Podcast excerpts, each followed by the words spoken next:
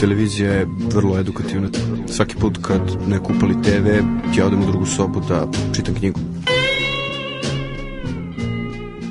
Prljava knjiga nikad nije prašnja.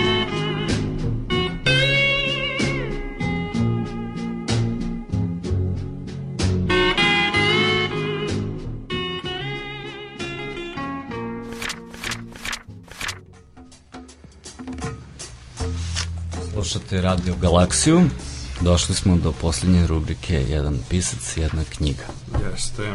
I sad govorimo danas o jednom isto tako velikanu 20. vekovne književnosti, Česlavu Milošu. E, Česlav Miloš je bio poljsko-litvanski pesnik, prozni pisac, prevodilac uopšte jedna značajna ličnost od pera, kako bi se to reklo. Ono što je, zašto naglašamo na poljsko-litvanski, pa zato što je on sam zapravo se uvijek tako identifikovao, mada ga obično smatraju poljskim piscem. A, ono što je interesantno jeste da on je rođen u jednom malom selu u okolini Kaunasa, odnosno u današnjoj Litvaniji, a u istorijskoj Litvaniji takođe.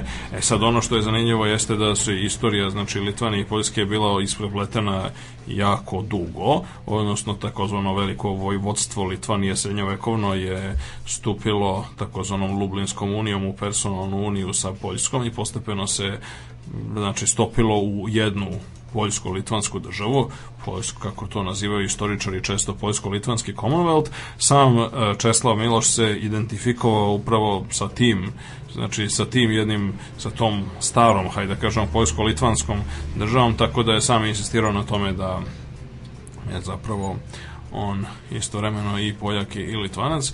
I između ostalog, dakle, govorio je onako u svakodnevnom životu mislim zove zaista ono, koristio je najizmenično oba jezika a pored toga govori još još 4-5 raznih jezika i smatra se znači jednim od generalno ovako naj ovaj, učenijih i najpismenijih ljudi, najvećih intelektualaca 20. veka, e, znači 1180. godine je nagrađen i Nobelovom nagradom za knježevnost.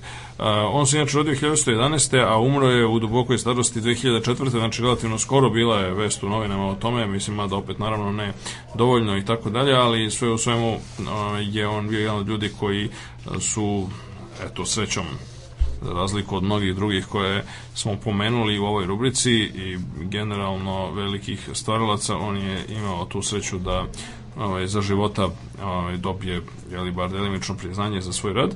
A, znači on je tokom živao je u Poljskoj tokom um, pre drugog svjetskog rata i tokom rata, mislim zove između ostalog je uh, usred posebno brutalne, dakle, nacističke okupacije Poljske, on je rizikujući život posećivao podzemne, ali da kažemo skrivene seminare jednog istaknutog poljskog istoričara i estetičara Vladislava Tatarkevića, što je, da je otkriven, mislim, zove značilo gotovo sigurnu smrt, pošto su u takozvanoj generalnom, generalnom ovaj, guvernmanu ili ovaj, znači generalno upravi Poljske vreme nacističke Nemačke su bile zabranjene sve zatvoreni svi fakulteti bile zabranjene sve čak i osnovne i srednje škole bile zabranjene svaka vrsta intelektualne aktivnosti pošto je to bila specifična hajde da kažemo, eksperimentalna zona ovaj, u Trećem rejhu. A, ono što je bilo interesantno jeste da on čovjek preživeo znači nacizam ovaj, uspešno, a takođe boga mi i komunizam jedno e, vreme, to jest do 1151. 51. godine uspio da pobegne i da dobije politički azil u Francuskoj gde je živeo nakon toga još deseta godina, nakon čega je emigrirao u Sjedinje države i a, od 1961 pa praktično do smrti je predavao slavistiku i istočnjavsku književnost na Univerzitetu Kalifornije u Berkeliju. I ono što je interesantno jeste da je tamo i dobio Nobelovu nagradu i što je, je ovaj, između ostalog privuklo pažnju po tome što dakle u Berkeliju je bila dosta Nobelovaca iz raznih nauka, on je bio jedin i ostao do dana današnjeg jedini iz ovih, kako bi se reklo, društvenih i humanističkih disciplina, mislim da je dobitnik tog priznanja i onda je shodno tome, mislim, zove uživao posebne ovako neke počasti i mislim zove ljudi su bili posebno ovako srećni zbog toga. Uh, pred sam kraj života, mislim zove on se vratio u Poljsku, on je umro 2004. u Krakovu ne, između ostalog. E sad, pored mnogih knjiga, pre svega poezije, mislim, zove njegova poezija najznačajnije i najviše zapravo, mislim, zove je u, on, naj, najviše, najviše moje priznanje odano zbog poezije i ne, u suštini njegova zimska zvona, mislim, zove najčuvenija zbirka, zbirka poezije koja je objavljena 1185. je mm, ovaj, zapravo, ali je mislim objavljena je kao zbirka, njene pesme su kružile još i ranije, je bila jedna od najznačajnijih faktora, mislim zove između ostalog i za dobijanje Nobelove nagrade. Ono što e, međutim je takođe značajno su njegova prozna i eseistička dela i najpoznatije, mislim, zove delo te vrste, jeste knjiga ova koju ćemo govoriti, a to je Zarobljeni um, koji je jako čudna knjiga, zato što mi smo ovde uglavnom do sada pričali o romanima, imali smo i par nekih ovaj, eseističkih primjera e, eseistike i poezije. E, Zarobljeni um nije tako lako klasifikovati, zato što na prvi pogled to jeste jedna diskurzivna, mislim, zove i se ističe knjiga, sa druge strane on ima elemente proznog dela i romana u najmanju ruku zbog toga što se što ima glavne likove. E sad obično znači diskurzivne non-fiction eseističke knjige. Obično mi se zove nemaju glavne likove, posebno nemaju na taj način mislim da ono živahno i živopisno dočarano, a, a zarobljeni um ima i to čak četvoricu. A, sad oni imaju vrlo čudna imena, naime oni se zovu alfa, beta, gama i delta. Mislim, sad zašto je to tako? Pa jedan od, jedna od, jedan od faktora jeste u tome što na taj način se kao u onoj pa kao i kod u drugim nekim distopijskim knjigama recimo u romanu Evgenije Zamjatina Mi, gde su ljudi o, znači, označeni samo brojevima, mislim zove, ili kod a, recimo Huxleyovom vrlo novom svetu, gde duše ima imena, ali imaju one klasifikacije kasta, mislim zove, da li su ono tamo alfa Super, plus, beta minus da. i tako dalje. Ovaj onda ovde je to do nekle mislim zove dočarava tu bezličnost, mislim zove totalitarnih sistema o čemu ovaj Česlav Miloš i piše, a međutim daleko prozaični razlog jeste što ovaj što su ti ljudi bili živi i što ta knjiga koja je objavljena 1953. znači neposredno nakon njegovog e, bekstva u Francusku e, je objavljena u Parizu originalno, dakle je moglo je dakle bi direktno ugrozila njihovu fizičku egzistenciju, mislim zove da su njihovi identiteti, pošto su oni imali pošto su oni rađeni na osnovu stvarnih ljudi, e, dakle da su oni zaista objavljeni. Danas se zna, mislim oni u suštini nose ovako pomalo zabavne nazive, mislim zove kaže alfa moralista, beta razočarani ljubavnik, gama rob istorije i delta trubadur. E sad, svaki od tih ono, četiri portreta se, su ljudi koji su ono znali već tada, a kasnije naravno mislim zove i sam Česlav Miloš nije se libio da ih identifikuje, Alfa je bio jedan od inače ljudi o kojima smo govorili u jednoj prethodnih radiogalaksija, Ježi Anžejerski, Beta Taude Tadeuš Borovski, Gama Ježi Putrement i Delta Konstantin Galčinski.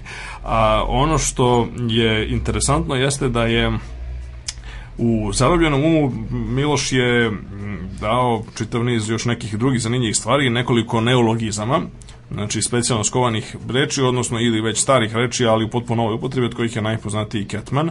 Ketman uh, je ona vrsta sposobnosti i Ketman u nekom smislu reči odlikuje svu četvoricu ovih likova, samo u različitim, u različitim uh, kontekstima. On objašnjava kako su oni na različit način došli do toga da se pomire ili aktivno ili sarađuju ili pasivno pomire, mislim zove sa uh, tom totalitarnom staljinističkom stvarnošću.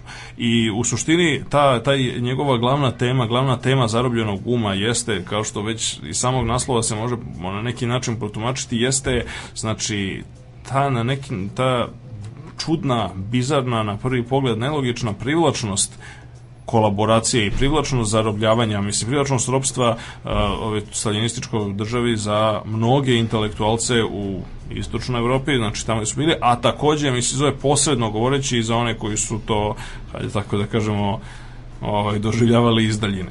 E, I ove, znači, što bi rekli, fellow travelers. E, ono, što, e, ono što je interesantno jeste da, znači, Miloš koristi čitav niz, znači, Ketman je ono, ona vrsta gotovo instinktivne dvoličnosti i licemerja koji je neophodno ispoljiti, mislim da bi se bilo društveno, politički akademski prihvatljiv u uslovima totalitarnog da. Sad to ima najrazličitije, ponekad krajnje komične oblike. E, zarobljeni um, premda mislim da ima u suštini tako jednu mračnu temu, je pun humora i u krajnjoj instanciji mislim da je sam njegov, njegov ovako jezik je mm, ovako živopisan, raskošan i raspevan, tako da mislim da ima neobično, neobično komičnih delova, mislim da je neobično komičnih primjera.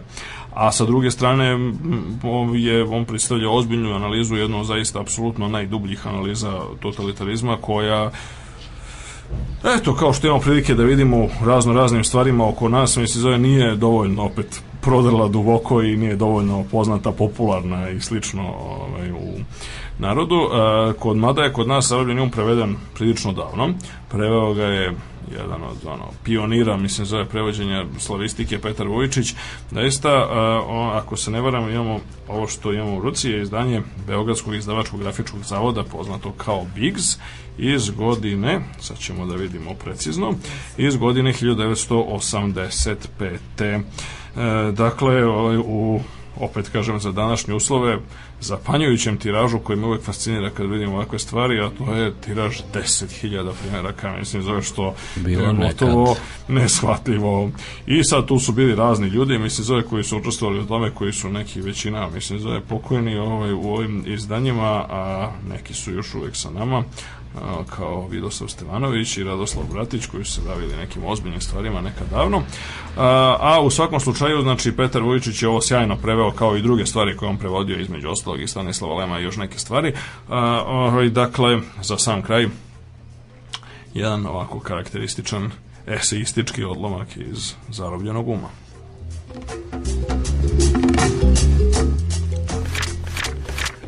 U zemljama nove vere gradovi gube svoje nekadašnje lice. Likvidiranje sitnih privatnih preduzeća daje ulicama kruti zvaničan izgled. Zbog stalnog nedostatka područnih dovara gomila je siva i monolitno siromašna. Čak i ako se pojavljuje područna roba, ona je jedna i to drugorazredne vrste. Strah parališe individualnosti i tera ih da u pokretima, odevanju, izrazima lica postaju što sličniji prosečnom tipu.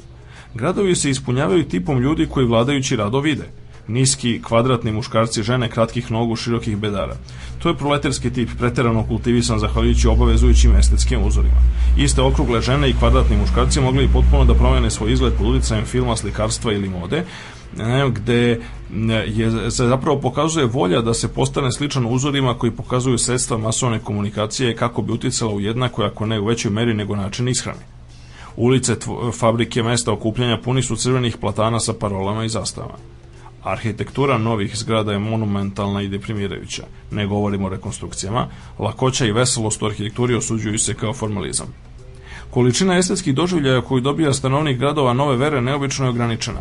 I jedino mesto draži je pozorište, jer ako postoji magija pozorišta, čak i ako je sputana propisima socijalističkog realizma koji određuje sadržinu komada i vrstu dekora, ovi poslednji ne treba da daju mogućnost da se pokaže dekoraterova mašta.